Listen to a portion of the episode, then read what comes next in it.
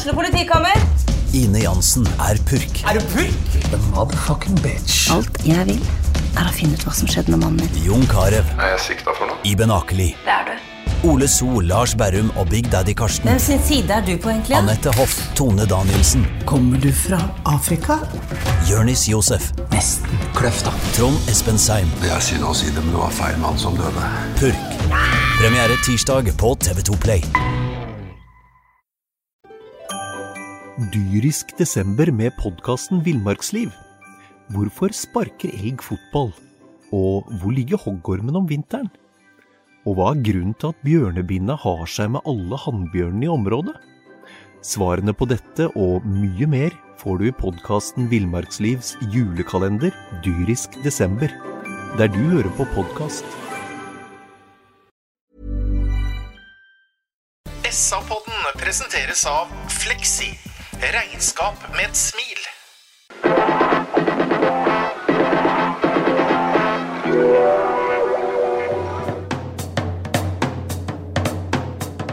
Sarpsborg Arbeiderblad gir deg en ny episode av SA-podden med Sven René Nygård, Øystein Weber, Petter Kalnes og Bjørn Inge Bingen Nilsen. Da er det søndag kveld igjen, og SA-podden er på plass med en ny episode. I dag med et eh, sykdomsfravær av Sven René Nygård. Men Bjørn Inge Binge Nilsen er her. Hei, Bingen. Hei, hei. God dag. Og så er Øystein Veberg Hjerte til stede. Hei på deg, Petter. Hallo, hallo. Det sies at uh, av alle uviktige ting i verden, så er fotball det aller viktigste, Øystein. Uh, hvis vi ser på reaksjonene blant sarpinger etter at Sarpsborg 8 har tapt eh, syv fotballkamper på rad, så er det ikke noen tvil om at eh, det er mange som er opptatt av den klubben.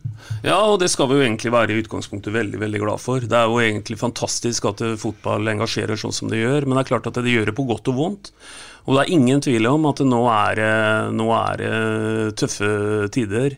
Det er fint at du åpner med å sette fotballen inn i et perspektiv, Petter, men, men det er ingen tvil om at det er viktig for mange. Og, og nå, er det, nå er det tungt om dagen. Det er vel egentlig ikke så mye mer å si om det. Bakgrunnen for at vi sier det vi sier, er også at eh, Odd vant 1-0 over Sarpsborg 8 på Falkum stadion, men eh, Skagerrak Arena lørdag kveld. Det betyr syv strake tap, eh, Bingen, men vi holder oss til det, den, den reaksjonen vi opplever blant våre bysbarn. Eh, Jeg registrerer en slags sånn oppgitthet blant veldig mange. Eh, nesten likegyldighet. Eh, er du med på den? Eh, har du Ja, samme følelsen? Nå er ikke jeg på Facebook, men jeg ser jo at det har vært enormt mye reaksjoner i Sarpsborg Arbeiderblad. og det er sjelden at det er så mye. Folk er sinna, opps, oppgitt, lei seg. Forbanna på treneren, forbanna på guttene. Noen prøver å dekke over og si at det her ordner seg, men uh, sannheten er jo at det, det begynner å bli faretruende. For oppgitthet er det minste, den, eh, den siste den klubben trenger nå, eh, Øystein. Ja da, og så er jo dette en del av fotballens mekanismer og supporternes mekanismer, så det, det er, kommer jo som brev på posten. En vet jo at i motgang så, så skjer det, og, og tilsvarende i, i medgang. Jeg tenker at det nå gjelder å prøve å balansere to ting her. Det ene er at eh, en skal kalle en spade for en spade og være helt ærlig på hvor en nå er hen. og og nå definere etter hvert at eh, det som er en suksesshistorie nå, det er å holde seg i Eliteserien. Vi må være tydelige på det. Og så gjelder det samtidig å ikke, ikke bli destruktive i, i alt her. For, for det er et utgangspunkt som vi hadde tatt med begge hendene i 2019, det vi har nå, og også i 2020. Eh, Delvis også i 2021, men da fikk vi etter hvert noen kjappe seirer under Bohinen, og det ble aldri noe veldig kritisk utover eh, høsten. Men vi har et utgangspunkt her som det er mulig å gjøre noe med. Men da må, vi, da må vi begynne å vinne fotballkamper. Og bare for å gni inn det siste litt nå, jeg har vært, sett litt nå på den, det siste her. Og én ting er at vi har syv eh, strake tap. Vi har åtte på ni. Eh, Vi har ni på ti, hvis vi inkluderer et cupkamp mot eh, Moss. Og hvis vi tar de siste, tar de siste da, ni, eh, ni seriekampene, så har vi én seier, som sagt. Men kanskje verst av alt, vi har sluppet inn 2,7 mål i snitt over en, et strekk her som nesten er en tredjedels sesong. Og du trenger ikke være ferdig utdanna hjernekirurg for å skjønne at du kan ikke slippe inn 2,7 mål i snitt i fotball uten at det blir lite poeng ut av det. altså. Mm. Og det er uh, hovedproblemet nå. Mm. Bingen, du var uh, tøff i trynet for å si det rett ut etter uh, forrige tap. Uh, smalt skikkelig til dem. Hva var reaksjonene fra omverdenen etter det? du har så rett, Bingen. og helt enig. og Det var egentlig ikke noe negativt i det hele tatt. Det var egentlig om det har vært i byen eller på golfbanen eller i butikken, så har det bare vært egentlig backup på det jeg sa. Mm. Så det har ikke vært noe skummelt i det hele tatt. Det. Det, det skrives også Øystein, på sosiale medier og i kommentarfelt at uh, man, man, ser et, et lag der det kan virke som ikke alle legger hele sjela si i å forsvare den blåhvite drakta uh, en lørdagskveld i, i Skien. Sitter du igjen med en følelse av at det er noe At det går litt på innsatsen til, til spilleren på banen? Altså I utgangspunktet så, så, tenker ikke jeg den, eh, i det, det, sporet der. Jeg tenker at uh, dette går ikke på vilje og lyst til å få med seg noe, men det går på evne, og det går på, det går på at en har kommet inn i et spor hvor en ikke har noe som helst selvtillit i forhold til det en skal gjøre. Og, og da blir vi så fryktelig sårbare når vi, når vi har en spillestil som legger opp til at vi skal være sånn det skal være en symfoniorkester i et samspill her, og det er mange som skal på en måte ha eh, felles bevegelser og lykkes samtidig osv. Det er veldig små marginer. Mm. Og da blir vi veldig eh, Da ser det veldig sårbart ut altså når, når noen svikter. For, for, her Vi har lagt opp til en relativt eh, komplisert måte også, og så lykkes på. Og nå tror jeg spørsmålet framover mer blir om det går an og også der har et par tanker i hodet samtidig. Vi snakker ikke om å skrote noe type prosjekt, men vi må tenke litt forenkling, tenker jeg. At uh, jeg tar gjerne en scoring etter tre trekk, og det må ikke være fem.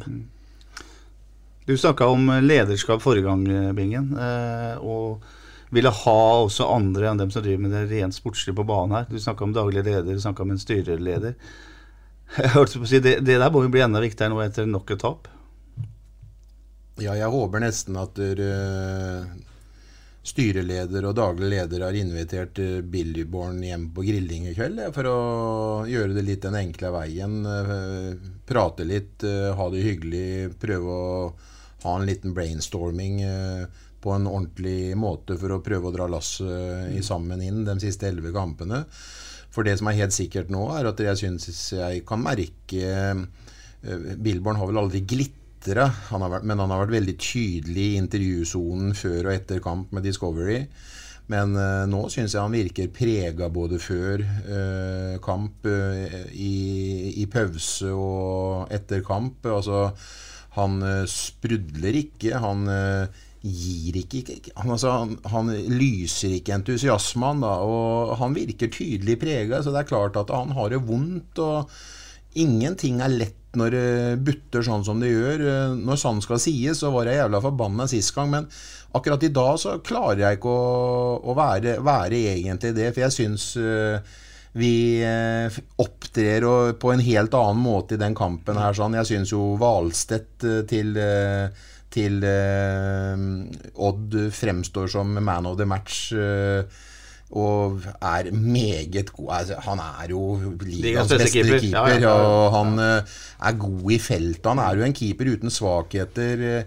Uh, to vanvittige redninger mm. etter hvor Engvald vender opp og, og, skyter, og begge er i venstre for han. Og den ene er egentlig helt, helt ypperste klasse. Mm. Den første er muligens liksom sånn at du Den tar vel alle eliteseriekeepere, men den andre, den er helt rå. Og jeg synes vi Og han har en reaksjonsredning med en retningsforandring på skudd fra Tobias. Ja, så, så, jeg syns uh, Hvis det skal være en av de kampene nå som vi har spilt, og vi har de tapa på den rekka du nevner nå i løpet av de ti siste, så eh, må jeg si at det er, jeg klarer faktisk å finne noe positivt den mm. bortekampen her mot uh, Odd. Det var mye småpent, uh, og det var men, men, det er klart at vi vi slår ballen altfor mye. Jeg ser jo aldri Vikne f.eks. For, eksempel. for øvrig virker han ikke i form heller. Vikne kommer jo aldri på en overlapp. Eller hvis Maigård går inn som en smal indreløper, så ser du aldri Bekken komme rundt lenger og komme til linja og slår inn, sånn som vi så Vikne i en del av, karriere, eller del av sesongen i fjor. Så eh, der er det noe å sette fingeren på. Så, så, klubben har definitivt forsømt seg både i midtforsvaret og på sidebekkene innenfor den sesongen her, og nå til dels i sommervinduet, er min mening. Jeg, eh, men allikevel så syns jeg jeg kan se mye positivt. Det som eh, er litt tråkig, er vel at Anton Saletros kanskje ikke er helt i spilleform. Jeg ser han teiper kneet sitt voldsomt når han går av. Det er noe som tydeligvis plager han. Maigård kommer jo inn og bidrar. Eh, Engvald river og sliter. Vi har en Tobias Hein som har begynt å fyre litt skudd igjen. Så eh, den gangen her i forhold til at man eh, ser en, en positivitet i mer kollektiv enn det vi har gjort de siste kampene, så syns jeg at der, jeg, jeg, skal ikke si det at det her ordner seg, men jeg syns at det var mer positivt i den kampen her. sånn da. Mm. Bra. Eh, bare følge opp det vi snakka om eh, før Bingen eh, tok en liten, eh, et lite referat av kampen. Eh, det at eh, trenerteamet, Billborn, Bjørklund, Edlund, Federico Morais ikke blir isolert nå, at de har, føler at de har støtte, Øystein, de har, har, en klubb i ryggen. Ja, det, er, det er et veldig åpent, enkelt spørsmål, men det må være utrolig viktig nå. Ja, det blir veldig viktig, og, og det er også litt svaret på det, det Bingen er inne på her. at Eh, du ser at det er en prega bilmål som nå skal eh, stå skolerett for rettighetshaveren og forklare hva som skjedde i dag igjen. Og, og, og, hvorfor det? Jo, naturligvis. Han kjenner jo til dynamikken i dette her og vet jo selvsagt godt at, eh, at til syvende og sist så er han den mest, mest utsatte mannen hvis dette ikke snur. Så, så, det er ikke noe vanlig jobb å være, være eliteserietrener i, i fotball. Eh, vi hylla dette laget her for eh, to måneder siden, og nå, nå vil det bli diskusjoner om eh, det hadde vært mulig å skaffe en eller annen billett til noen svensker enveisbillett hjem. Sånn fungerer fotball, sånn fungerer supporter. Det er jo også en del av det å være supporter. Men mer enn noen gang så er vi i en situasjon nå som også krever et kaldt hode. Altså, som, som, eh, hvor det, eh, Hva sa gamle mester Eggen? Det er ingenting som blir så fort historie som en fotballkamp. Det som i hvert fall er helt sikkert, er at vi får ikke gjort noe med, med det som nå er gjort. De poengene, den, den spilte melka, den er spilt.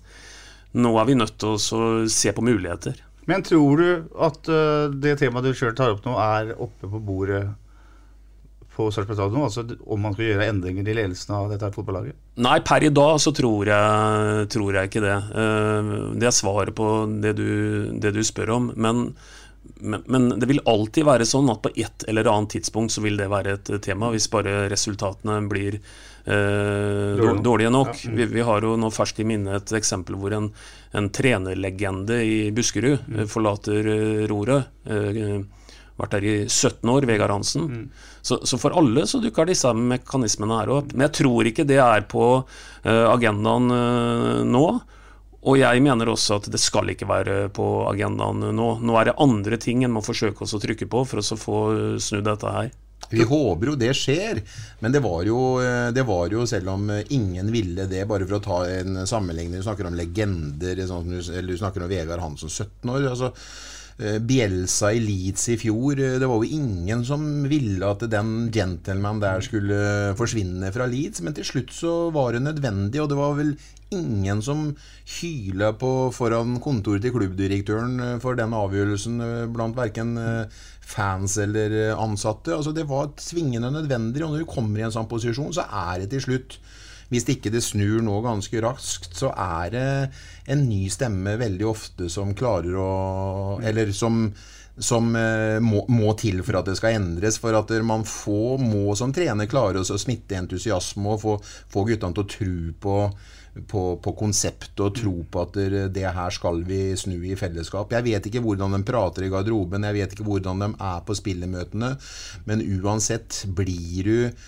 uh, fri for seirer, så, så kommer tvilen snikende uh, innover uh, både på spillere og trenere til syvende og sist. Du er ikke fri for det. Men per nå tror du det er tema? Nei, jeg tror ikke det. Og jeg mener heller ikke at det bør være det. Jeg eh, mener heller at, som sagt, og jeg tøysa ikke i stad, at Hans Petter Arnesen sitter sikkert med, med Billborn i går kveld hjemme og griller i haven mm. og prøver å få, få det her, her og, og de har sikkert prata sammen. Det må ikke være sånn at du kaller inn til et møte. Det må gå an å slå armen rundt hverandre og prøve å komme ut av motgangen i fellesskap. Så jeg håper at daglig, både daglig leder og, og, og, styreleder er på banen nå fra går kveld og gjennom søndagen med Billborn. Altså, for det trenger han virkelig nå. Det er, det er en sånn enkel dynamikk han Bingen snakker her, å legge armen rundt og si at dette går bra, gutten min. Men altså eh, det, det, er helt riktig det han sier. Ja, ja, da, og vi er jo bare mennesker av kjøtt og blod. Og det er klart at her trenger folk litt backing når de, når de uh, står i stormen. Og det er vel sikkert ikke så veldig mange øh, jobber, tenker jeg, som er mer ensomme enn å være en uh, toppleder, da, som, som Billborn i denne sammenheng er.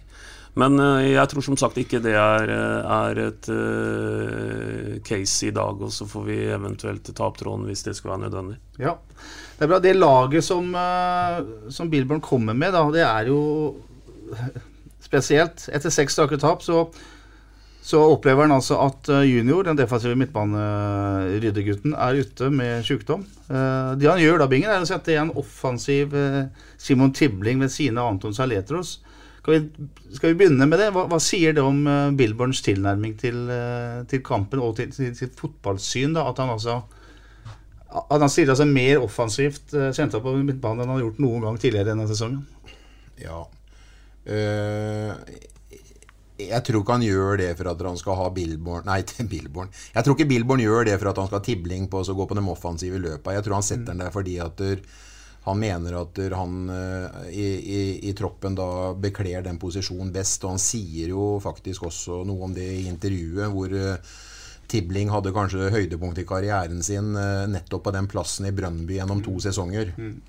Og han vet uh, Han er kjent med posisjon, og jeg tror det var et naturlig valg. Ikke for at han skal være den som trekker opp og kommer på vegg og avslutter fra 20 meter. Jeg, jeg tror han uh, mener at han er den mest disiplinerte til å bekle den juniorrollen. Mm. Derfor spilte han der. Du sa tidligere, eller forrige gang at du du at Tibling og Saletus fløy til veien for hverandre. Altså Underforstått at Tibling tok for var for aktiv i forhold til å få Saletos nok på ball osv. Hvordan syns du dynamikken mellom de to var i går? Jeg syns ikke det var noe feil i hele tatt. Men jeg står fortsatt Altså Det jeg sa sist gang, det, da spilte jo Tibling høyre ja, ja, ja. Så han gikk litt for mye i veien til mm. Saletros. Mm. Nå spilte de ved siden av hverandre, og de var disiplinerte, og de spilte jo hverandre Uh, de, de, spilte jo hverandre verken Jeg syns de, spilte, jeg syns de løste oppgaven greit, for å si det sånn. Mm. Uh, det var ikke noe sånn fantastisk hvor den var toneangivende på på, på, avslutningene våre. Men eh, de løste det fint. Men jeg ser at Saletros eh, er, ikke har den formen lenger som han eh, har hatt. Men Tibling syns jeg hadde en bedre kamp nå enn han hadde sist gang. Ja, og det er jo et poeng som Bingen er inne på nå. For her syns jeg at i den grad en Saletros ikke har levert noe som han har gjort tidligere i sesongen, så er det jo en som har ansvaret for det, og det er jo Saletros sjøl. Det er ikke noen Tibling som løper i veien for ham som et hovedproblem. Og igjen så er ikke, er ikke Saletros helt så skarp som vi har sett den eh, tidligere. Og vi har jo snakka mye om det, hvor, eh, hvor eh, kall avhengig vi har gjort oss av en, en Saletros også, som er på sitt beste antagelig den beste fotballspilleren som har vært her i byen, mm. med strek under. Mm. Men det har han ikke visst de siste kampene. Bingen han, han har farva håret sitt. Han har vel egentlig eh, vært dårlig nå med nyfarva hår. Skulle han farva det tilbake, tenker du, eller? Ja, jeg, og, jeg, og, det er jo typisk sånn at du stikker deg jo veldig ut når du lager huet ditt helt hvitt. Da, da, du, da er du liksom Neymar og stjernespilleren og kan mm. gjøre som du vil, men så går det enda dårligere enn det det har gjort. Uh, og for ham personlig så har jo vært en utforbakke. Men jeg får ikke håpe at det har noe med den farvinga av håret å gjøre. men kan det ha noe med at, han, at vi er i et overgangsvindu der uh, det fortsatt ikke har skjedd noe rundt den? At han egentlig går rundt og ønsker seg bort? Altså Det skal du ikke se bort ifra. For, for, det er klart det er ikke veldig mange, mange som har de tankene nede i, nede i 08. vi for eksempel, som sitter her, det er ikke noe risiko for at vi blir solgt. Tom Hansen f.eks., materialforvalter, han venter sikkert ikke på noe internasjonalt tilbud. Men Men han er jo i en posisjon hvor dette er et uh, spenningsmoment i dagens moderne fotball. Vi er nå inne i et overgangsvindu. Nå uh, tok vel hun uh, kjæresten hans også skrev under for Chelsea. Mm. Og det er klart at det kan jo hende at han tenker at det hadde vært hyggelig å flytte med henne kanskje til England, mm. selv om altså det finnes jo mange nivåer der osv. Det vet jeg ikke. Men, men, at det for folk som er i posisjon til å på en måte De må, de må satt seg i en posisjon hvor bare det at en ikke ønsker å forlenge, det sier jo noe om ambisjonen at en skal videre. Og vi er nå i et overgangsvindu. Det ville vært naivt å tro at det ikke sniker seg inn i en eller annen tanke som dreier seg også om den biten der, da. Men, jeg, men jeg, har lyst til liksom sånn I den derre motgangen vi er nå, så øh, Jeg har egentlig bare lyst til å være positiv i det, men jeg har lyst til å, Dere snakka litt om uh, klubbfølelse blø for drakta litt innledningsvis i dag. Det er uh, sånn jeg har tenkt på den siste uka. Jeg, jeg, må jo innrømme det, selv om jeg skal ikke si det at ikke Magnar og Utvik og Joakim og Vikne og Horn og guttene bak uh, ikke blør for drakta. Men jeg, sam, jeg savner på en måte en litt sånn derre Captain Fantastic. Og da vet dere hvem jeg eh, refererer til. Det er Ole Heieren Hansen. Den derre samlende, samlende kaptein med armene ut. Uh, Anders, nå tar vi et langt. Vi flytter ut laget, går i duell og jobber på annen ball. Det kan liksom ikke være så jævlig vanskelig å kunne gjøre det når du ser det butter mot kamp etter kamp, kamp etter kamp etter kamp, istedenfor at vi skal spille opp på feilvendt uh, veldig ofte, da. Og den beslutningen kan tas på banen uavhengig av hva treneren har sagt på forhånd? ikke sant? Jeg tror ikke treneren bytter deg ut fordi at du tar en avgjørelse som kaptein, men han kommer nok til å si det at du, Bra at du løste det nå, men jeg vil gjerne at vi prøver å spille oss ut bakfra flere ganger før vi går over til en plan B. Mm. Men eh, som kaptein så har du lov til å ta den avgjørelsen der sånn. Altså. Du, feien, du, kan feie på tribunen om mm. du vil. Og i hvert fall, vet du, Petter, i forhold til det vi har drevet med i år. For vi har jo sittet nå litt og telt litt på Vi prøvde å telle litt på én han her, og fant vel fort ut at vi må i hvert fall ha han nummer to, og kanskje starte også på han nummer tre, holdt jeg på å si, for å telle nå antall situasjoner i år hvor personlige feil ikke bare har resultert i farligheter, men direkte konsekvensen har vært at vi har fått et mål eh, bakover. Fikk dessverre igjen nå igjen. Veldig dessverre. Og Utvik har jo ikke vært eksponenten for dette så langt, men nå var det hans tur. Så, så, i forhold til det Bingen sier, jeg vil jo tro at hvis alternativet er å skape en situasjon som vi faktisk blir straffa for i målprotokollen bakover, ja, da, da, hadde i hvert fall jeg, hvis jeg var trener, takka han som tok en beslutning som klargjorde den. hvert fall. Men det temaet han bringer opp på banen her når det gjelder lederskapet på banen eh, Vi har snakka om lederskap utafor banen. Eh, savner du en eh, Captain Fantastic på det? Jo, men det tror jeg mange lag egentlig eh, i utgangspunktet gjør. Vi har jo snakka mye om det og, og hatt en som liksom verbalt osv. tok litt sånn ordentlig, ordentlig tak. Uh, mulig at, uh, at uh, det er et savn, at vi ikke har den Ja, det blir jo ekko av seg sjøl igjen, da, mm. men vi har snakka mye om en Ernemann som mm. på en måte tok litt tak når det krevdes. da og en kaptein, vet du, det handler ikke bare om du må slå i hendene og faen i helvete og komme igjen, gutter, osv. Det handler om å være konstruktiv i praten sin. Det handler om å styre laget sitt, styre guttene. Eh, det er nesten akkurat som en, en, keeper er en kaptein nummer to i forhold til om han er god eller dårlig til å, å, styre forsvaret sitt eller styre laget sitt. En kaptein skal være konstruktiv. Han skal klare å styre laget. Han skal gå foran. Det skal svi litt i taklingene. Han skal eh, må ikke være verdens beste ballspiller, men han skal i hvert fall eh, ha innsatsen som eh, sitt beste våpen. Og så skal han være konstruktiv i praten. Mm. Men det har vært Bjørn Inge Utvik som har vikariert for Joakim Thomassen, som var tilbake som kaptein eh, på lørdag. Det, har ikke de to gutta der de, den kvalitetene du er ute etter? Jeg syns ikke Utvik, Utvik, er en uh, naturlig leder i form av øh, øh, måten han spiller fotball på, pga. det fysiske. altså han er en lederstjerne. Det er ikke nødvendigvis riktig at han skal være kaptein for det. Det er ikke nødvendigvis han som uh, er mest klok i gruppa, som klarer å dra laget med seg. Men uh, Utvik kunne fint uh, hatt den samme rollen som han har uten å være kaptein, for å mm, si det sånn. Mm. Thomassen viser jo lederegenskaper når han går bort til supporterne etter matchen og, Og rett og slett snakker litt med dem og beklager at det ble nok et tap. Ja da, og det, det syns jeg han skal få, få kred for. Ellers er det jo sånn at vi snakker om hva er den optimale kapteinen, og da er vi litt sånn i en ideell verden. For det er jo som Bingen sier her, at uh, hvis, en, hvis en tenker seg den perfekte kaptein, da, så er det jo en som både snakker med, med kropp og ben, og, og også med å kommunisere på en eh, forbilledlig måte. Nå er vel Utvik, som Bingen var inne på, først og fremst eh, kjent for å eh, snakke med bena og innsatsen. Og der er jo ingen som kan ta han på noen ting. Så det er jo ingen tvil om at han er en leder i kraft av 'se på meg, gutter, sånn skal vi gjøre dette her'. Men så er vi litt på det kommunikative her, og da kan det godt hende at, at en kanskje mangler det. Litt spekulasjoner, men kanskje. Mm. Hva syns du om sportslige innsatsen til Joakim Thomassen, som var tilbake igjen og erstatta Joakim Soltvedt? Det kan uh,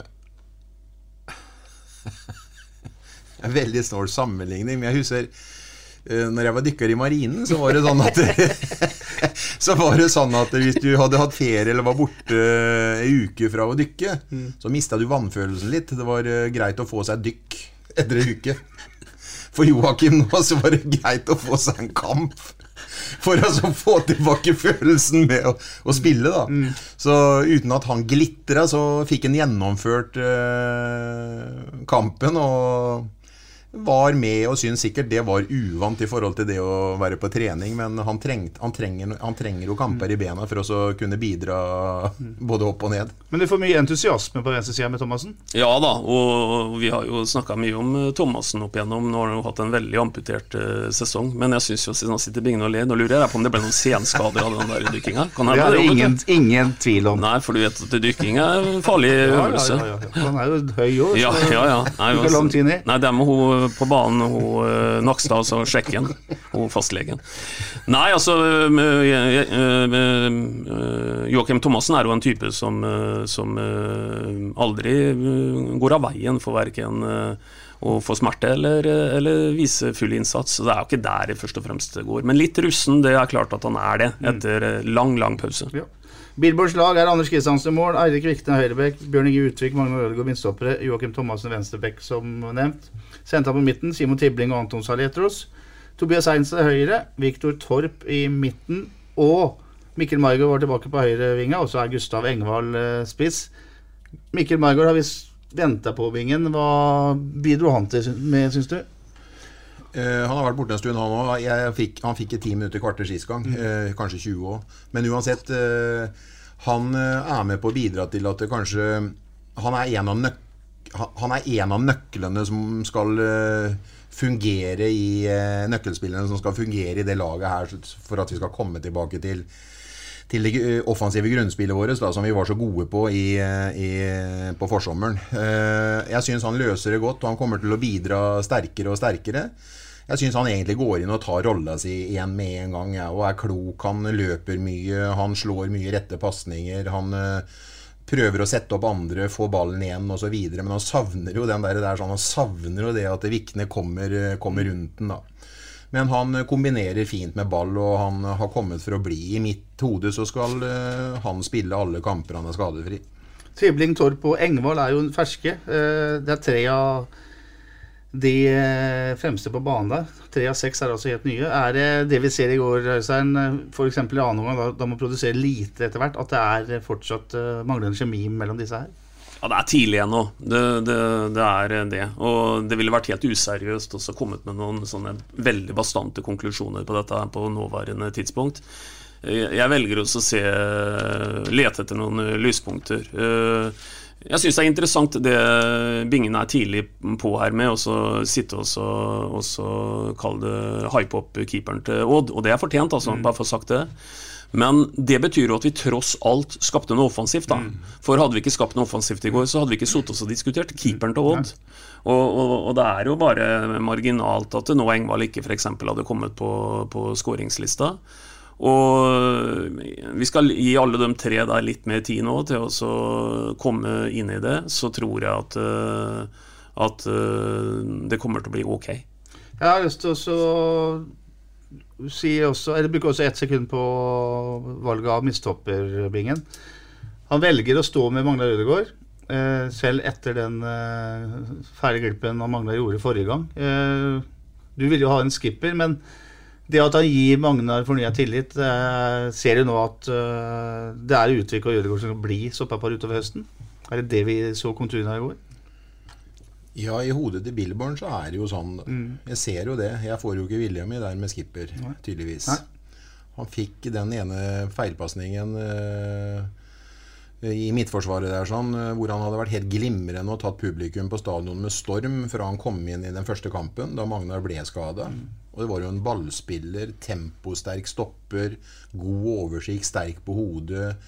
Gikk gjennom ledd og så videre, og så hadde han en sånn en forferdelig kamp eh, tredje kampen hans eller noe sånt, og så slår han jo rett inn i, til motspiller i, midt i banen, som går gjennom og scorer, og det er jo ikke han vært alene om, da.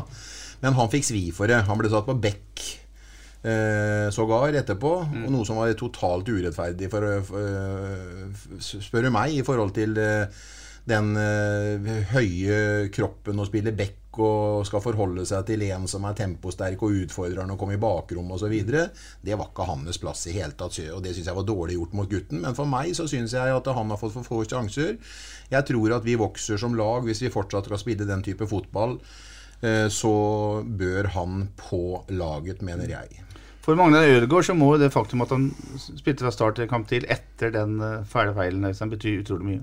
Ja, og så, vet du hva, Petter, Noen ganger så stiller du noen spørsmål som er vanskelig å besvare. Noen ganger stiller du spørsmål som er kjempeenkle å besvare. På spørsmålet ditt til Bingen, betyr dette her at i utgangspunktet så ser han for seg en duo som stopper her med Utvik og Ødegaard? Det er veldig lett å svare på det. Svaret er ja. For øh, og med, med svaret med hva som Billborn tenker, naturligvis. For det er ikke noe hvilken som helst posisjon vi snakker om her. Dyrisk desember med podkasten Villmarksliv. Hvorfor sparker elg fotball? Og hvor ligger hoggormen om vinteren? Og hva er grunnen til at bjørnebinna har seg med alle hannbjørnene i området? Svarene på dette og mye mer får du i podkasten Villmarkslivs julekalender Dyrisk desember, der du hører på podkast. I, vi ønsker absolutt å rokere minst mulig på den toeren eh, ba, bak der. Så når, når Billborn lander på at han igjen vil bruke Ødegård, og vi vet jo at det er mildt sagt delte meninger om det eh, der ute, så er jo det ikke noe tvil om at dette er Billborns øh, valg nå, og ønsker å kjøre dem to sammen. Men det er så lite forskjell på på antagelig også oppi Billborns hode på en skipper og en Ødegård og kanskje til og med en Horn her. at ja, Vi snakka jo om sist du har hatt én bauta der, så har du hatt en rullering på de tre andre plassene. Gauseth hadde en treffende replikk når han Magnar slo den andre over huet på Joakim, og da sa Gauseth Nei, nå gidder jeg ikke å kommentere mer. Nei, ikke Når det gjelder måten jeg stiller spørsmål til dere på, så er det for at jeg vet at dere ikke skjønner så veldig mye, så jeg må liksom legge svaret i munnen på dere. Vi, og så er vi ganske lette å lede òg, Ja, ikke ikke sant. Ålreit, vi kan, hvor vi kan uh, le litt av Det er bare fotball vi snakker om. Ellers så skrev undertegnede her om dagen at uh, det var bare Bjørn Inge Utvik som aldri gjorde noe feil i det laget der. Og her på blokka mi fra i går så ser jeg etter ti minutter at Bjørn Inge Utvik har gjort uh, to grove feil. Det første er jo allerede etter fem minutter. Da slår han en uh, pasning som ender opp i en, eh, et ballbrudd. Og der skårer jo Odd et mål som blir annullert for offside. Og så har han også én til like etterpå. Så av en eller annen grunn så var det også utvig i den, eh, i den båten der i går, og det er jo egentlig eh, veldig rart. Ellers så er det jo bare å gå gjennom notater her, så ser man, som dere har sagt tidligere i dag, at det er mye positivt. Det er faktisk eh, mye sjanser. Det er bra keeperspill fra Odd. Eh, starter med at eh, en Engvald f.eks. går i et bakrom og skyter et skudd. Så kommer Heinz på minuttet etter. 12., eh, 11., 12. og 13. minutt har Sarpsborg tre skudd på mål, som ender i to cornere. Eh, så kommer headinga til Maigård, som vi husker den fra første stolpe, som blir heada mot eh, motsatt stolpe. Glimrende eh, kombinasjonsspill mellom Saletos og Maigård, som er med selvfølgelig bingen, og eh, nye Viktor Torp, som setter den utafor fra sju meters hold. Kanskje en, ja, en av de aller største sjansene. Ja, samtidig så er den vanskelig å score på. Uh, han, uh, han gjør absolutt så godt han kan. ja, liksom, han Ja. kommer for langt fram der i det rommet der, så, så det å liksom på en måte få flikka den eh, Da er den egentlig mye større, den, eh, den hvor eh, det er Margot som header på utsiden Ja. der, på den lengste stolpen Ja. der. For, for den, den er det ingen som tar. Hvis han eh, treffer denne litt mer Det er ikke veldig mange centimeterne på skallen som gjør at den ville gått inn i nettveggen. Den hadde gått rett inn, den. Men jeg syns ikke Viktor Torp kan uh, klandres på noen måte. Det er ikke det at noen har gjort det, men ha, han kommer i en vanskelig situasjon. Han kommer for langt fram, og han gjør et forsøk på å få styra den, og den, uh, den greier ikke å styre nok. da. Det som er eh, en kjensgjerning, hvis jeg ikke, hvis jeg ikke skal bare sitte og, og synse noe, så er jeg jo helt sikker på Hvis jeg mener at jeg forstår uh, fotball, så er jeg jo helt sikker på at tilpasninga til den nye tar litt tid, og så må de kunne stole på hverandre i forhold til hva kan jeg forvente meg når medspilleren har, har ballen osv. Og eh, jeg kan ikke eh, forstå noe annet enn at det, kommer til å bli mer og mer giftig foran når vi har eh, når, når de får spilt seg sammen. Altså Maigård, Torp, Engvald, Saletros og Tobias på venstre. Når de finner kjemien og begynner å stole på hverandre og kan lukke øya og vite hvor løpa kommer osv., så, videre, så er jeg helt overbevist om at de elleve siste kampene vi har nå, den kommer til å, å ha en stigning kvalitetsmessig offensivt. For hvor mange kamper, Øystein, har vi, er mange mål har vi skåret nå på de, de siste? Ja, ti på de ni siste, Ti så vi har ca. et mål i snitt. Ja, mm. Og så har vi skåra totalt ja det er 32-36, eller 38 har vi, Ja. tror jeg, i målforskjell. Og da hadde så- vi jo en vanvittig eh, målscore eh, offensivt eh, i den første kampen, hvor det var eh, klikk-klakk, og Ja. Molins sprudla og var involvert. Altså Det var poengspillere, alle som spilte offensivt. Mm. Nå er på en måte det liksom litt viska ut, og så begynner vi på nytt igjen. Og jeg er helt overbevist om eh, at alle dem som er nevnt foran der nå, når de begynner å stole på hverandre, kan lukke øya, vite hvor løpa kommer osv., så, videre, så kommer det til å utvikle seg til noe positivt innenfor eh, for, eh, for høstsesongen. Bra. Bingen er positiv. Det er vi glad for. Torps sjanse kommer etter 20 minutter. Et par-tre minutter etterpå er det venstrebenskudd fra Tobias Heinz rett på keeper. Og så 24, nesten 25 minutter, Øystein, så, så gjør dessverre Bjørn Inge Utvik et feilvalg når han eh, prøver å spille ball opp på Saletros.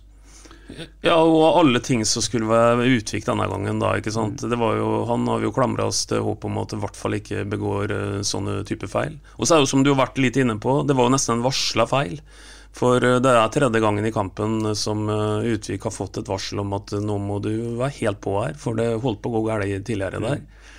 Eh, og ja, så det var uh, Dette har vi jo rett og slett ikke råd til. Og når Bingen snakker om at vi skal uh, forhåpentlig få en offensiv stigning utover høsten her, og folk blir bedre kjent osv., så, videre, så er jeg helt enig i det. Men det viktigste og verste, og absolutt det vi må ha mest fokus på hvis vi tar de ni siste kampene, det er at vi har sluppet inn 2,7 mål i snitt. Det må vi slutte med. Og da må vi slutte med sånne typer personlige feil. Du har sett litt ekstra på den situasjonen her, eh, Bingen. og Det er jo en Saletros vel som prøver å gjøre seg fri fra en oppasser. Mm. Men han er dypt på egen halvdel, og er det såpass markert at Sånn som vi lærte i hvert fall fotball, så skal ikke den pasningen bli slått mot den. Nei, og det er nesten litt sånn at Saletros forventer at han skal få ballen eh, på den andre sida enn der han egentlig kommer. For der kommer det faktisk en som egentlig Egentlig, Bjørn Inge Utvik, så er det helt feil at du slår opp den på, på feilvendt eh, med mann i rygg. Eh, Saletros forventer egentlig å få den på høyre, mot høyresiden sin. Du slår den mot venstre på venstrebenet hans, hvor det kommer en og bryter ballbanen. Slutt å slå opp på feilvendt markert spiller. Vi må bort ifra det. Samme pokkeren om du heter Utvik eller Magnar, eller om du heter ditt eller datt. Og så er det én ting til som jeg har lyst til å si når vi har, det her. Er sånn. Jeg syns vi var verre enn noen gang i går nå, når han Anders øh, mottok ballen, så slo han f.eks. ut på Vikne på høyre side. Vikne han, han, han tenkte ikke på at han skulle stoppe den og så ta den med seg oppover, oppover en gang. Han bare Nei, faen. Og så slo han tilbake igjen til Anders inn i femmeteren igjen. Så liksom ordne opp du. Jeg, jeg skjønner ikke at vi kan holde på sånn. Det blir jo, vi blir jo helt overstressa som, eh, som, eh, som sitter på tribunen. For vi vet jo at det kan bli at det, vi, vi, vi lager feil for oss og spiller på oss feil. Og dem må jo bli stressa, for en vet jo at vi har gjort det så mange ganger nå. Vi er oppe i tosifra antall personlige feil som er resultert i, i motstandermål.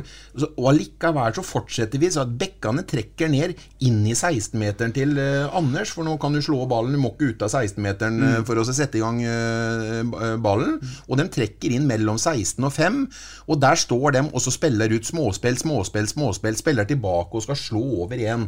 Og vi, vi, det kan jo ikke være riktig. Hvor mange trekk skal vi ha i det laget der sånn før vi, før vi kan få flytta opp laget slik at vi kan få avslutta på motstanders mål? Da? Det er jo nesten du, du, du må jo spille som Leeds United i Glory Days, da, og så ha liksom 20 trekk i laget før at det skal resultere i mål. Det må være mulig for Anders å ta den ballen i hendene, flytte opp laget, slå en femmeter, gå i duell, jobbe andre ball, enn at vi skal holde på sånn som det vi gjør nå. Vi må gi oss, altså. Ja, og i hvert fall som et alternativ. Og det var litt interessant av Gaupseth, vi har jo vært innom han som mente at det nå står en ved et veivalg. ikke sant? Dere hadde jo en sak på det i forhold til risikotaking defensivt. Og så snakker dere også med en annen som ikke er noe fotballnovis heller, Kai Andersen. Ja. Og han, han sier jo noe ganske interessant om dette her, for han sier at det, sånn som han oppfatter det, så, så snakka han egentlig ikke så veldig mye om evner, men han snakker mer om om de hadde lyst til å spille seg ut eh, bakfra, eh, og, og, konkluderte vel med det at Uh, de vi har bak der nå, ønsker egentlig primært ikke det. Og der er egentlig det eksempelet som Bingen peker på nå, et sånn et kroneksempel på det.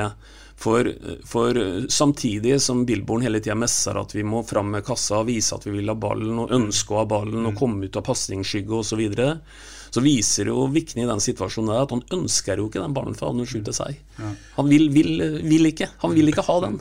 Og nå skal jeg referere til Gauseth en gang til. Han hadde et par stjernekommentarer. Jeg satt faktisk og humra av Gauseth i den kampen her sånn. Det ble brudd i spillet, og vi skulle Dommeren eh, ligge spiller nede. Eh, Vi får ballen på vår banehalvdel, og så skal vi slå den tilbake til eh, Odd når dommeren blåser i gang igjen, og da sier Gauseth og da gjør Bjørn Inge Utvik som han har gjort i hele kampen. Han spiller den tilbake til en eh, Odd-spiller. ja, men, ja, men han sier jo det som vi alle sammen ser. Altså, det florerer jo av, eh, av pressa feil. Og allikevel så fortsetter vi, fortsetter vi det. Altså, Billborn begynner nå å snakke om at han eh, han, har ikke læ han, han sier ikke det, han tvinger ikke guttene sine til å spille småspill osv. Men eh, hvis han ikke tvinger dem til å spille småspill eller videre, så får han jo jaggu meg stelle seg på sidelinja og så jage dem ut og få den ballen ut. Og jobbe etter, gå i duell, vinne andre ball. Da får han jo gjøre det istedenfor å late som om at eh, han ikke har noe med det småspillet å gjøre i hele tatt. For det har han jo. Definitivt. Han må jo ikke begynne å bløffe for oss. For at han, eh, han, det er han som er eh, eksponenten eh, bak navnet Billborn-fotballen. Og han ønsker at vi skal spille oss ut. Må ikke begynne å snakke om noe annet nå, altså. Men i, noen jeg har snakka med, inkludert det jeg ser sjøl, er jo at jeg syns jeg så en litt mindre risikotaking i, i går. Nå får vi se bort fra Utviks feilvalg her, men altså at det var mer langt. Man slo mer direkte på Engvald for å få ut laget som, som Binge snakker om. Er du enig i det, Øystein? Helt 100% enig. De kan si hva de vil i forhold til at de ikke blir kalt påvirka og gå i retning av en litt forenkla tilnærming. Det, det så vi i går. Uh, hvis det hadde vært mulig å måle kan du si, noe som ikke er eh, noe sånn målbart tall helt, da, men hvis en liksom hadde fått en indeks på hvor stor sjanser du tar på egen tredjedel defensivt f.eks., så er jo kampen i går en av de kampene hvor vi tar minst eh, defensive sjanser. Vi har jo sett mye, mye større eh, risikotaking og kunne kanskje lagt til hodeløs foran det ordet mange ganger tidligere i sesongen. Det var ikke så mye av i går. Eh, dessverre så blir vi straffa med det vi snakker om med Utvik osv. Men det er ingen tvil om at de prøvde i går, eh, i større grad enn jeg har sett tidligere i år, å, og, gjøre dette litt enklere. enklere. Men du mener fortsatt, Bingen, at, det er, øh, at man tar for- altfor store sjanser? Vi taper jo kampen 1-0 på det. Så fasiten er klar, ja. Fasiten er klar. Det er Milan Jevtovic som etter hvert setter den uh, ballen i mål, da, etter at uh, Utvik og Saletos ikke fikk uh, Eller Utvik ikke fikk spilt pasningen til Saletos. Den ble brutt. Bare i, etter 31 minutter så er et langskudd fra Odd Ingebrigtsen som går i eh, stanga. Der er eh, Anders Kristiansen heldig at ikke han går i mål. Og så kommer en av de eh, keeperredningene du snakker om, Bingen. Det er uh, Gustav Engvald som skyter i det 34. minutt, og det er en strålende redning. Tobias Heinz er på returen. Og der prøver Tobias Heinz å få seg straffespark. Det skal man ikke ha, men det er sikkert for en keeper. Ja, han er helt fantastisk. Helt fantastisk. Og jeg kan egentlig ikke gi han nok superlativer. Og det jeg gjorde etter vi vant kampen her hjemme på stadion 1-0 òg. Mm. Han, er, han er rågod. Jeg skjønner faktisk ikke at Eller jeg, jeg kan nesten sette en øl på dere begge to gutter at han ikke står i Odd i høstsesongen. Han er borte før vinduet lukker. Han, det, han, det, han, er for god til å bli, bli, i Norge. Det er min påstand. Så han går i løpet av en uke nå? Ja. Bra. Vi setter ikke øl imot Øystein. Nei, men det er hyggelig at det var et veddemål som gevinsten kan komme ganske kjapt, i hvert fall. ja, ikke sant. For Etter pause så har han eh, en eh, kjemperedning til på, på, fra Engvald, som du har sagt, og så ikke minst en fra skrått fra Heins der. Det er også en veldig bra redning. Eh, den, den, den, den, den Engvald Jeg bare tar, tar Engvald, mm. litt med Engvald nå. Mm. Uh, det tar litt tid å venne seg til nye spillere for spillere når det kommer så mange på én gang. Engvald er jo en, en, en bakgrunnsspiller. Eng, Engvald er jo Hvis vi ser, studerer han litt i løpet av en kamp, så er jo han på offside-grensa hele tiden. Han leter etter rom, skaffer seg rom, leter etter rom, skaffer seg rom. Han er bedre bakgrunnsspiller og savner nok flere pasninger i bakrom, selv om Odd legger seg til tider ganske lavt. Mm. Så har han muligheter hvis at en playmaker klarer å oppfatte hans løp eh, på et tidligere tidspunkt, så er han livsfarlig hver gang, for der smeller det fort. Mm. Han er nok Det er det som er styrken hans. Styrken hans er ikke å ramle dypt ned i banen for så å få flere touch og så være god med andre i småspill osv. Han er klinisk i bakrom. Det må vi utnytte, og det kommer med eh, samspill. Mm, for da har man et nytt angrepsvåpen som ikke man har hatt med Molins og Fardal Opseth f.eks. Absolutt. Mm. Bra. Eh, det gjør det som bytter, Øystein. Vi, vi, kan si hva vi mener om eh, de valgene som blir gjort der. Det er Anton Saleto som må ut. Eh, da kommer Martin Høiland inn. Og så erstatter Steffen Lie Skålevik en eh, skiten Mikkel Maigård. Og så kommer Conté inn for uh, Viktor Torp. Hva syns du det ga noe? Nei, altså Alt er relativt her, som en eller annen Einstein sa en gang. Og jeg vil si at Conté, han syns jeg, på det lille han spiller her Fortsatt masse å gå på, og alt det der. Men han syns jeg har levert så lite den tida han har vært der, så jeg har nesten lyst til å si at han var mer fremoverretta og kreativ, og du så et visst potensial der enn jeg har sett samla sett på den tida han har uh, spilla. Så det syns jeg uh, ga noe uh, tegn til forhåpning. Uh, du sier jo sjøl at, at Skålevik kommer inn for en sliten uh, Maigård. Det er jo en no-brainer å sette inn på Skålevik for en sliten mann. Skålevik er jo da ferdig opptrukket og går så lenge batteriene varer. Mm. Og det gjør han jo igjen. Det er jo full, full guffe. Så det er alltid et sånn et type, type safe valg. Men jeg har lyst til å uh, egentlig uh, si at Conté uh, viste noen tendenser i går. Ikke, jeg skal ikke strekke det lenger enn det. altså. Ja, er det feil med å knekke koden, som det heter, Bingen? Jeg, jeg syns han utvikler seg for da for da. Jeg, jeg, jeg syns Conté er kjempespennende. Og jeg ser han har tingen som Eh, veldig få andre har. Og da tenker jeg om liksom retningsforandring og utfordre én mot én. Mm. Du sitter jo på rumpa. Mm. Han er jo så kvikk i vendingene. Mm. Og nå syns jeg han var mer moden. Jeg syns han modner med ball. Han tar ikke dumme valg. Han leverer fra seg til og med ballen. Det er ikke han som skal gjøre alt. Han eh, lar andre få styre det òg. Men når han eh, er farlig å trå på og ser muligheter offensivt, så tar han dem jo. Så han er jo litt sånn utypisk eh, av det vi har i laget fra før. Han er, bør jo ikke være redd for hvis han går én mot én, så, mm. så, så, vinner han eh, åtte av ti én mot én, han altså. Mm. Han Spennende. Så jeg, jeg, eh, jeg, liker det at han får mer og mer spilletid, og til slutt så er han på banen fra start. Han, han er såpass i framgang nå og tilfører laget voldsomt tempo òg. Eh, han er uforutsigbar når vi møter bedre lag som, eh, som eh, ikke legger seg lavt, som heller styrer spillet mot oss, så er jo han eh, livs... Han, hvis vi snakka om at Rashad Mohammed var en sånn type som vi kunne hive inn på og kunne gå i bakrom og bakrom, så er jo det her en Rashad Mohammed ganger, ganger teknikk i tillegg til. Mm, mm, mm. Det er både fart og teknikk. Ja. Spennende. Se om det kan bli noe ut av en, en mann som supporterne har venta lenge på.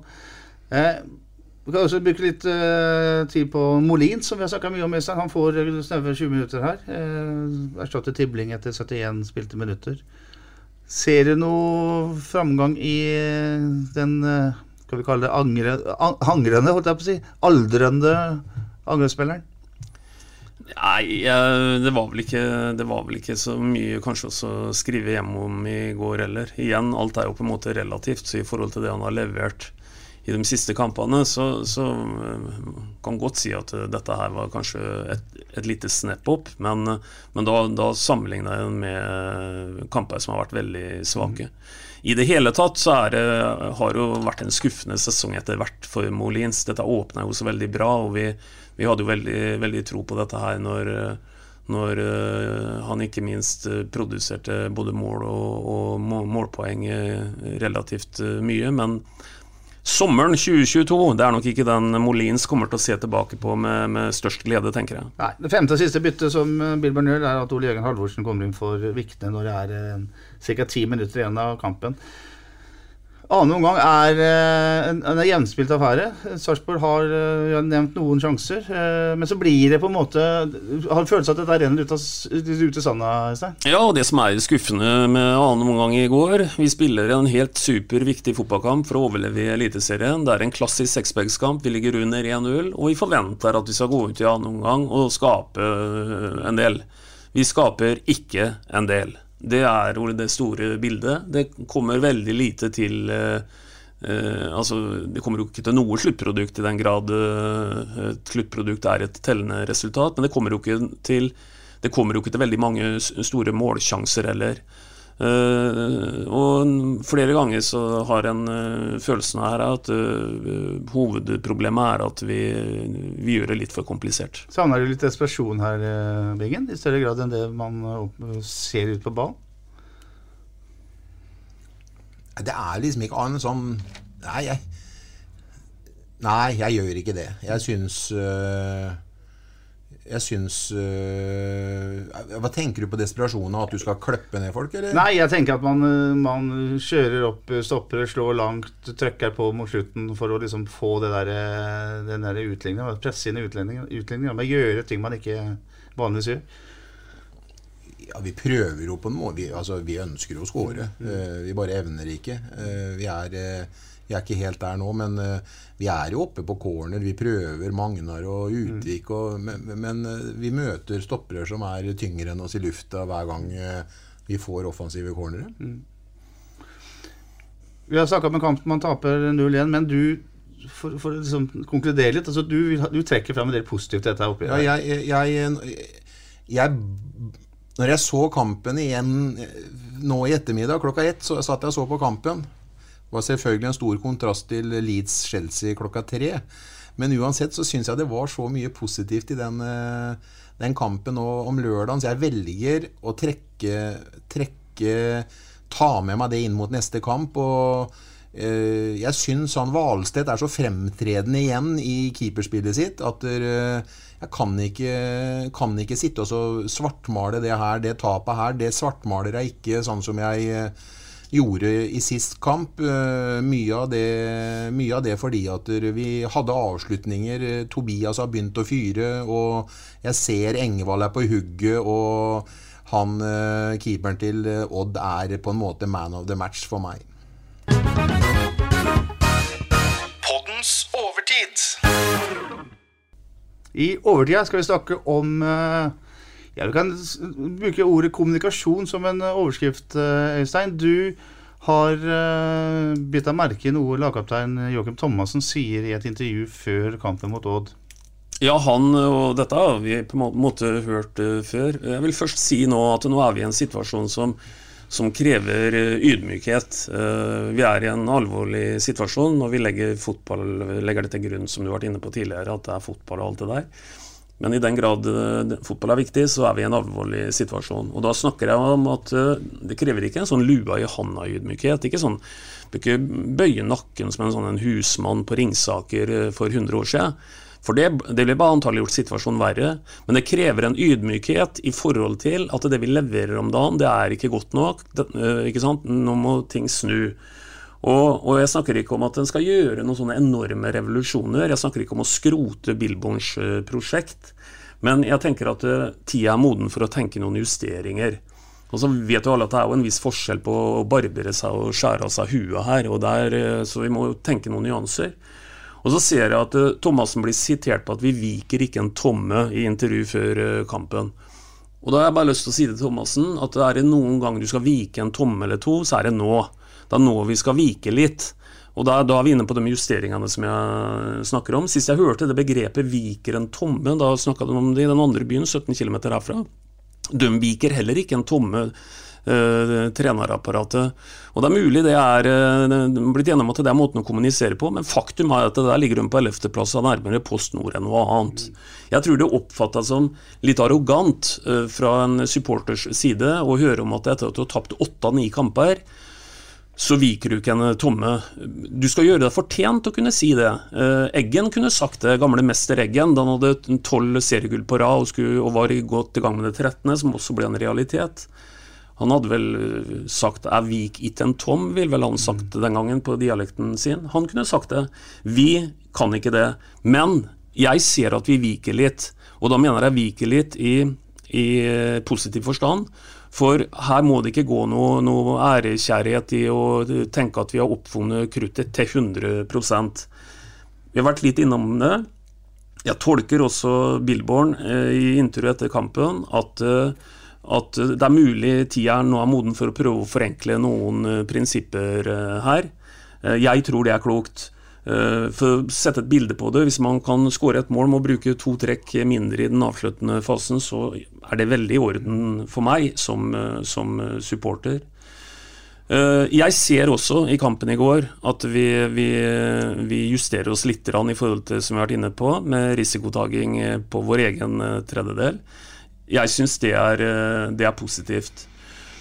Nå er det sånn at eh, ting antagelig kommer til å bli litt verre før det eventuelt blir bedre. Vi møter et Molde-lag eh, førstkommende helg. Og det begynner å nærme seg en slags form for en sånn ønsketenkning og tenke at en skal få med seg noe. Det må vi være forberedt på. Men etter det så starter slaget om å overleve 2022. Og vi har alt i egne hender. Og til slutt så vil jeg bare komme med en liten sånn spådom i forhold til det. Hvis vi resten av den fotballhøsten er jeg vil nesten si ikke sidestiller det å skåre et fotballmål med å løse Rubiks kube. Vi må ikke gjøre det så inn i helsiken komplisert. Så rykker vi ikke ned med det laget her. Ja, eh, Rent generelt, Bingen, eh, hvis vi snakker om å innføre en ny spillestil, sånn som det har blitt gjort i Sarpsborg 08 i år, så får man da en grusom sommer. Og da blir det jo trøkk rundt den stilen. Og da er jo, da er jo det Thomassen sier da, sannsynligvis, er at de ønsker å fortsette med den stilen. Er, er det dumskap når man har tapt uh, sju fotballkamper på rad? Ja, i forhold til at det intervjuet ble gjort før kampen i går, mm. og vi ser igjen at vi ryker på et tap pga. Mm. galskapen med, med pasninger på feilvendt og markert og inn i banen osv., så, videre, så så syns jeg man skal vike i hvert fall ifra prinsippet om å gjøre den pasningsvalga i den bakre fireren. Da. Mm. Jeg, eh, på en eller annen måte så må det, må det bli ulovlig. Mm. Det å spille opp på feilvendt. Når vi brenner oss på det så mange ganger nå, når en bryter ballbane og kommer hardt og stuper inn i ryggen på det, sånn som de gjorde på Saletros hjemme mot Bodø-Glimt osv. Altså, det skjer jo gang på gang på gang på gang. Mm. Og så får vi si at hjerneblødningenes tid eh, skal være over i forhold til pasningsfinta til Horn og den uh, pasninga som uh, Magnar ga til uh, Pellegrino mm. hjemme mot Bodø-Glimt osv. Altså, sånne ting det, det, må jo være det enkleste å luke bort. Men det kommer jo faktisk av at vi blir pressa mm. til å gjøre noen valg, og så råker han Magnar helt opp for alternativer. Og så håper han at Anders Kristiansen er med, men så er han ikke det. Og så ser vi et så dumt mål. Mm. Sanne tingen må vi endre. Men kombinasjonsspill i forhold til midtbane og det offensive, det må vi fortsette med. Men vi kan i mye større grad uh, utvikle det ved å spille mer sidelengs og foroverlent istedenfor å Vikne, slutt å vende opp og spille hjem hver gang du får muligheten. Begynn å utfordre sånn som du gjorde i fjor. Kom deg på linja når Maigård blir smal indreløper. Det er det din oppgave å utfordre bekken på sida di med det tempoet du har. Du er en av de raskeste bekkene i serien. Da må du bruke forsa gutten min. Bra, Bingen. Eh, et, et lite tema til om kommunikasjon, Øystein. Eh, hva slags kommunikasjon tror du Sarpsborg 8-supporterne, avislesere, podkastlyttere vil ha nå? Uh, I en tid der man går inn i en vanskelig bortekamp mot Molde. Uh, hvor klare skal man være? Hva skal, hva, vil, hva skal de si? Hvordan skal de snakke? Nei, altså På generelt grunnlag så kan du jo si at du vil alltid ha en ærlig kommunikasjon. Du vil, eh, du vil at folk eh, kaller en spade for en spade og sier at eh, det er sånn det er. Det er jo ingenting som provoserer mer enn at du, at du sitter med en helt annen oppfatning enn det du føler blir predikert fra den andre sida, for å si det sånn. Så, så en, en, ærlig kommunikasjon. Men det må balanseres, det greiene her. For det er jo ikke sånn at jeg snakker om at at en skal eh, kalle det unødvendig krisemaksimere osv. For, for eh, en kan godt uh, kalle en spade for en spade, men en må også være løsningsorientert her. Det, gjenstår elleve kamper av denne serien, og som jeg sa i stad, vi har et utgangspunkt nå. Hvis utgangspunktet er å overleve, og vi er jo der, som vi hadde gladelig tatt de tre siste åra, i hvert fall i 2019 og, og 2020. Så utgangspunktet vårt er bra, i forhold til at vi også har alt i egne hender og alt det der. Men, eh, men vær ærlig, og, og det, det, tror jeg er det korte svaret på hva en supporter eh, forventer og ønsker å høre. Mm, bra. Det var en oppfordring om å si det som det er, å være ærlige på Sarpsborg stadion. Vi kan se på Moldekampen, Bingen. Vi skal gjøre det kort og konsist. Du er jo en uh, spåmann. Eh, Aker stadion er jo ikke akkurat noen lett bortearena. Hvordan går det? Jeg uh, mener ærlig at dere ser en stigning her, og mener helt seriøst at vi har en mulighet til å ta poeng i den kampen. Vi har til og med mulighet til å vinne. Men eh, et uavgjort resultat som 1-1, det, det, det, tar jeg med meg. Mm. Ja, jeg eh, ville selvsagt vært superfornøyd med å få med seg ett poeng fra Røkkeløkka. Eh, jeg tror det blir, eh, det blir tøft. Eh, Molde er gulljagende og er per i dag på et nivå, sammen med Bodø-Glimt, som resten av Fotball-Norge ikke er på. Så jeg tror Det er ikke ofte jeg sitter i poden og tipper tap, men jeg tror at vi taper 2-0 på Røkkeløkka. Ja, jeg tror det blir 2-2, og jeg tror at det blir en, en kamp uten grove forsvarsfeil. Mm. Så Molde skårer to fine mål. Sarpsborg 8 gjør to mål, og så er de litt oppå bølga igjen. Jeg kan også fortelle at Engvald skårer eh, Engvald kommer til å skåre, det er ingen tvil om. Ja. Det har vi jo ja. sett for lenge siden. Gutter, det er bra. Bra jobba. Eh, Øystein Weber og Bjørn Inge Binge Nilsen, Sven René, han får ønske god bedring. Det er jo det har vi gjort før, det. Ja da, og det går sikkert uh, fort over. Hvis dere lurer på om han har hosta før, så kan jeg fortelle at han hosta noe inni granskauen i formiddag på søndag. Ja, men da er det like greit at den ligger under dyna. Det er det. Prekes, da, eller? Det gjør vi. vi Prekes. Ha det, hei. Hei, hei. SA-podden presenteres av Fleksi. Regnskap med et smil. Dyrisk desember med podkasten Villmarksliv. Hvorfor sparker elg fotball? Og hvor ligger hoggormen om vinteren? Og hva er grunnen til at bjørnebinna har seg med alle hannbjørnene i området? Svarene på dette og mye mer får du i podkasten Villmarkslivs julekalender dyrisk desember, der du hører på podkast. Ukens annonsør er HelloFresh. HelloFresh er verdens ledende matkasseleverandør og kan være redningen i en travel hverdag. Mange av oss har nok vandret i butikken både sultne og uten en plan for middagen, som ender med at vi går for de samme kjedelige rettene gang på gang Middag burde være dagens høydepunkt. Som Hello Fresh kan du nå velge mellom 25 ulike retter hver eneste uke, eller få Hello Fresh til å sette sammen menyen for deg. Dette gir deg muligheten til å prøve nye og spennende retter alene eller sammen med familien. Du velger antall porsjoner og får alt levert på døren på et tidspunkt som passer for deg. Oppskriftene er enkle, og maten er lett å lage både for store og for små. Ved å få alt levert hjem får du også mer tid til å dele matgleden med familie og venner. Kanskje det frister med asiatiske tacos eller greskinspirert kylling? Da kan jeg anbefale deg om å gå inn på hellofresh.no. Her kan du bruke koden FOTBALL og få opptil 1779 kroner i rabatt på de første fem matkastene hvis du ikke har prøvd Hello Fresh tidligere. Du kan også bruke rabatten hvis du har vært kunde og stoppet abonnementet ditt for tolv måneder siden eller lengre. Gå inn på hellofresh.no og bruk koden FOTBALL. Har du et enkeltpersonforetak eller en liten bedrift? Da er du sikkert lei av å høre meg snakke om hvor enkelt det er med kvitteringer og bilag i fiken, så vi eh, gir oss her, vi. Fordi vi liker enkelt. Fiken superenkelt regnskap.